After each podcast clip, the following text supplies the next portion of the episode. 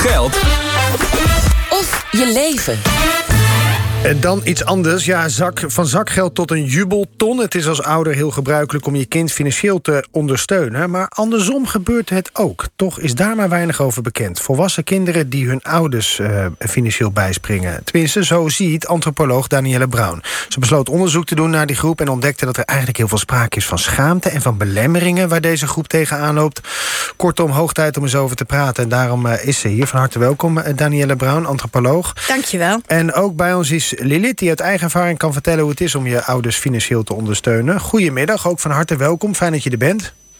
Goedemiddag, dankjewel. Ja, om, om even bij jou te beginnen, Lilith. Je, je uh, uh, vindt het spannend om hierover te praten. Je zei ook tegen ons van, joh, ik wil wel erover praten... maar dan wil ik dat alleen maar voornaam uh, genoemd wordt. En ik, ik wil verder ook niet in beeld zijn... want dat is tegenwoordig ook aan de orde mm -hmm. bij de radio. Nou, ik ben heel blij dat je bij ons bent, dat je je verhaal wil vertellen.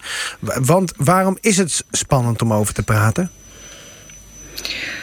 Um, goh, omdat mijn mijn vader ook nog uh, in leven is. Mijn ja. moeder inmiddels niet meer. Um, en ja, ik, ik weet niet zo goed hoe, hoe hij het zou interpreteren als hij dit hoort. Dus ik, ik ga. Is natuurlijk, ik kom zelf uit België en het is nu in Nederland. Dus de kans dat hij naar, deze, naar dit radioprogramma luistert is vrij klein.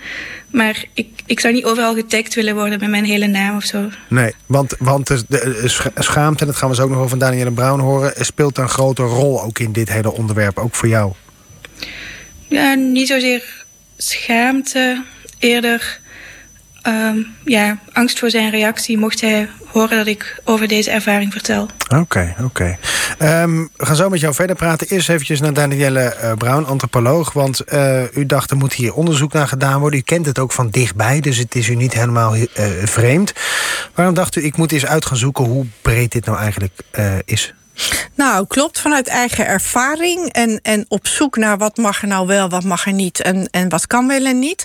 En ik besloot in mijn omgeving daar toch eens over te spreken. Van goh, zijn er meer mensen die dat uh, doen? Hè, voor hun ouders zorgen op welke manier dan ook in financiële zin. En dat bleken eigenlijk veel meer mensen te zijn dan ik had gedacht. Ook mensen dichtbij. En toen dacht ik, goh, wat gek eigenlijk dat we over van alles praten. Vrienden, uh -huh. bekenden, kennissen, collega's en daarover niet. Um, toen ben ik uh, uh, op social media, dat, ik doe vaker een soort samenlevingsonderzoek als antropoloog, uh, dat, dat gaan uitzetten. En ik, kreeg, ik werd echt oversteld met reacties. Uh, gek genoeg ook van mensen die ik ken. Dus het is een taboe onderwerp. En um, ook heel veel mensen die zeiden, en jullie ervaring ook in deze uitzending, ja, ik praat daar niet zo makkelijk over. Nee, snapt, snapt u dat het een taboe onderwerp is eigenlijk? Ja, ik snap maar, het. En waarom ja. is dat dan, denk ik? Nou, het is om verschillende redenen. Er zit een heel praktisch element aan dat je, daar komen we misschien nog op, dat je direct te maken krijgt met uh, ja, gewoon beperkingen in het belastingschenkingsrecht. En ja, als komen zo wel mensen een uitkering hebben. Dus mensen zijn bang dat ze uh, toch mensen hun ouders in problemen brengen of zelf in problemen komen. En het andere is toch de schaamte, taboe, uh, je ouders. Um, willen eren, dus groot willen houden. Het is niet iets wat leuk is om te vertellen. Dat je ouders in financiële situaties zijn gekomen... waar ze zelf vaak ook niet voor gekozen hebben. Dus ja, het is ook wel een beetje een sociaal taboe. Ja. We leven eigenlijk in een maatschappij waar, waarbij we er een beetje van uitgaan... Dat, dat de kinderen altijd financiële hulp nodig hebben... en dat de ouders zeg maar, de schaapjes op het droog hebben... die dat kunnen leiden dan, en niet andersom. Ja, en dat is echt wel een typisch uh, westers uh, ding. Hè, Nederlands, individuele samenleving. Je wordt geacht als je volwassen bent voor jezelf te zorgen. En dat was wel interessant, want in. Um, uh, gezinnen waar mensen een migratieachtergrond hebben, ouders, was het eigenlijk minder taboe en werd er met veel meer trots over gesproken en wordt het Ah, ook wel aan vrienden gedeeld. Dus het is ook cultureel bepaald hoe, hoe, hoe, in hoeverre het een, een taboe is. Want, um, en dan ga ik weer eventjes naar jou, uh, Lilith. Jij, jij hebt besloten om je uh, ouders financieel te ondersteunen. Um, wat moet ik me daarbij voorstellen? Um, ja, bij mij is het toch een iets andere situatie dan wat ik nu hoor. In de zin dat het bij mij vooral um, als kind was. Ik leefde als kind in armoede. Mhm. Uh -huh. En zo was het het feit dat wij kregen dan bijvoorbeeld zakgeld. Inderdaad van onze grootouders. Um, want die sprongen dan financieel bij. En wij kregen ook zakgeld. Maar eigenlijk ging dat zakgeld eigenlijk altijd sowieso naar mijn vader. Want we woonden bij mijn vader.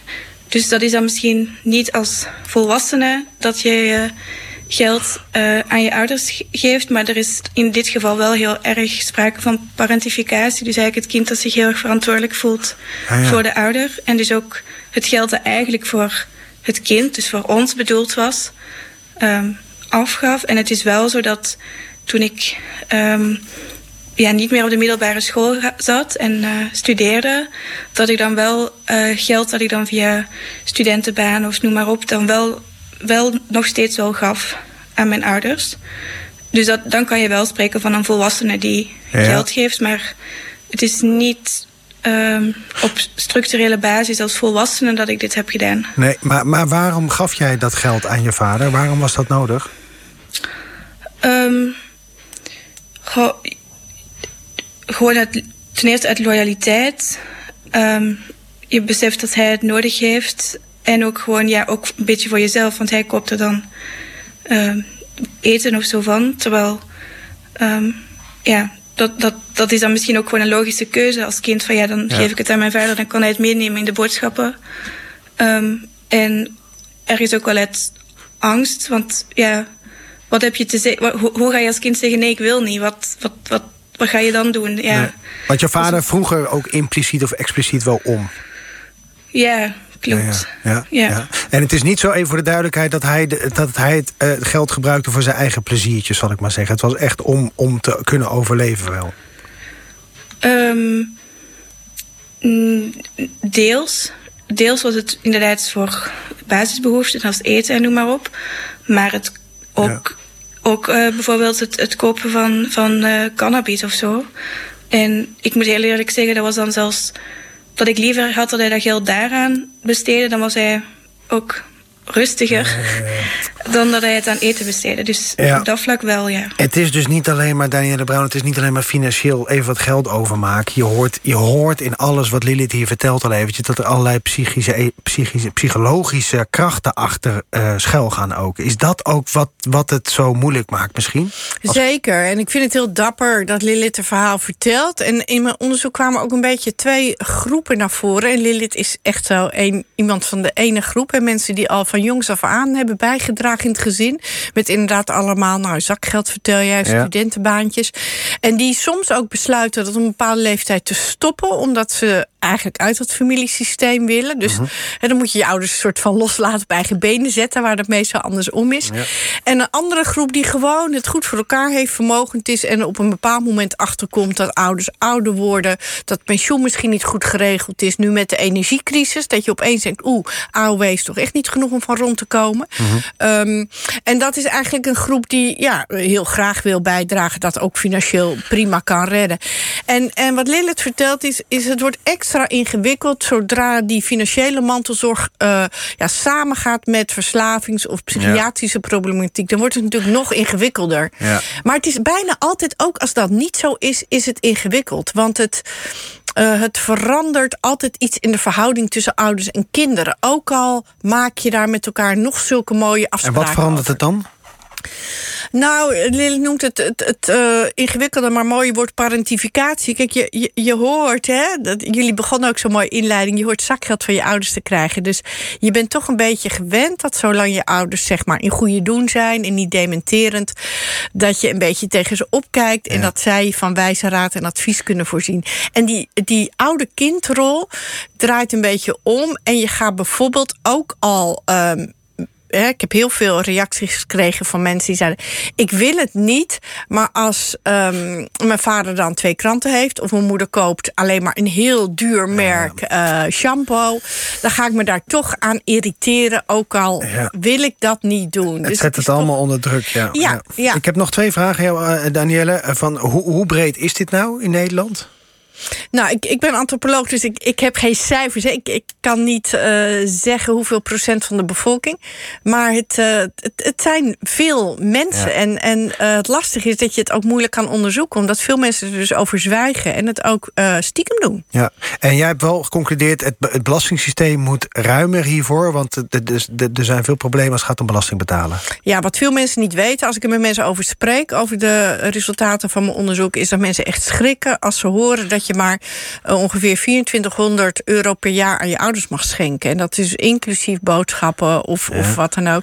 Dat is gewoon heel weinig. En eh, hè, aan kinderen mag je bijvoorbeeld al 5.500 uh, euro schenken, plus jubeltonnen nog eventjes. Eigenlijk een omgekeerde jubelton, zeg jij. Is ja, dus, dus en het is raar, want op het gebied van. Ehm, fysieke mantelzorg willen we steeds meer dat uh, kinderen hun oude, volwassen ouders gaan helpen. En over financiële mantelzorg praten we eigenlijk te weinig. Nee. Gelukkig hebben we dat nu wel kunnen doen. Uh, uh, Lilith, steun je je vader nog steeds? Uh, nee, op nee. dit moment niet meer. Oké. Okay. Dank dat jij je verhaal wilde vertellen. Dapper, uh, uh, goed gedaan. Heel erg bedankt daarvoor. En Danielle Brown, antropoloog, ook veel dank voor jouw komst hier naartoe. Tot zover Geld of je leven.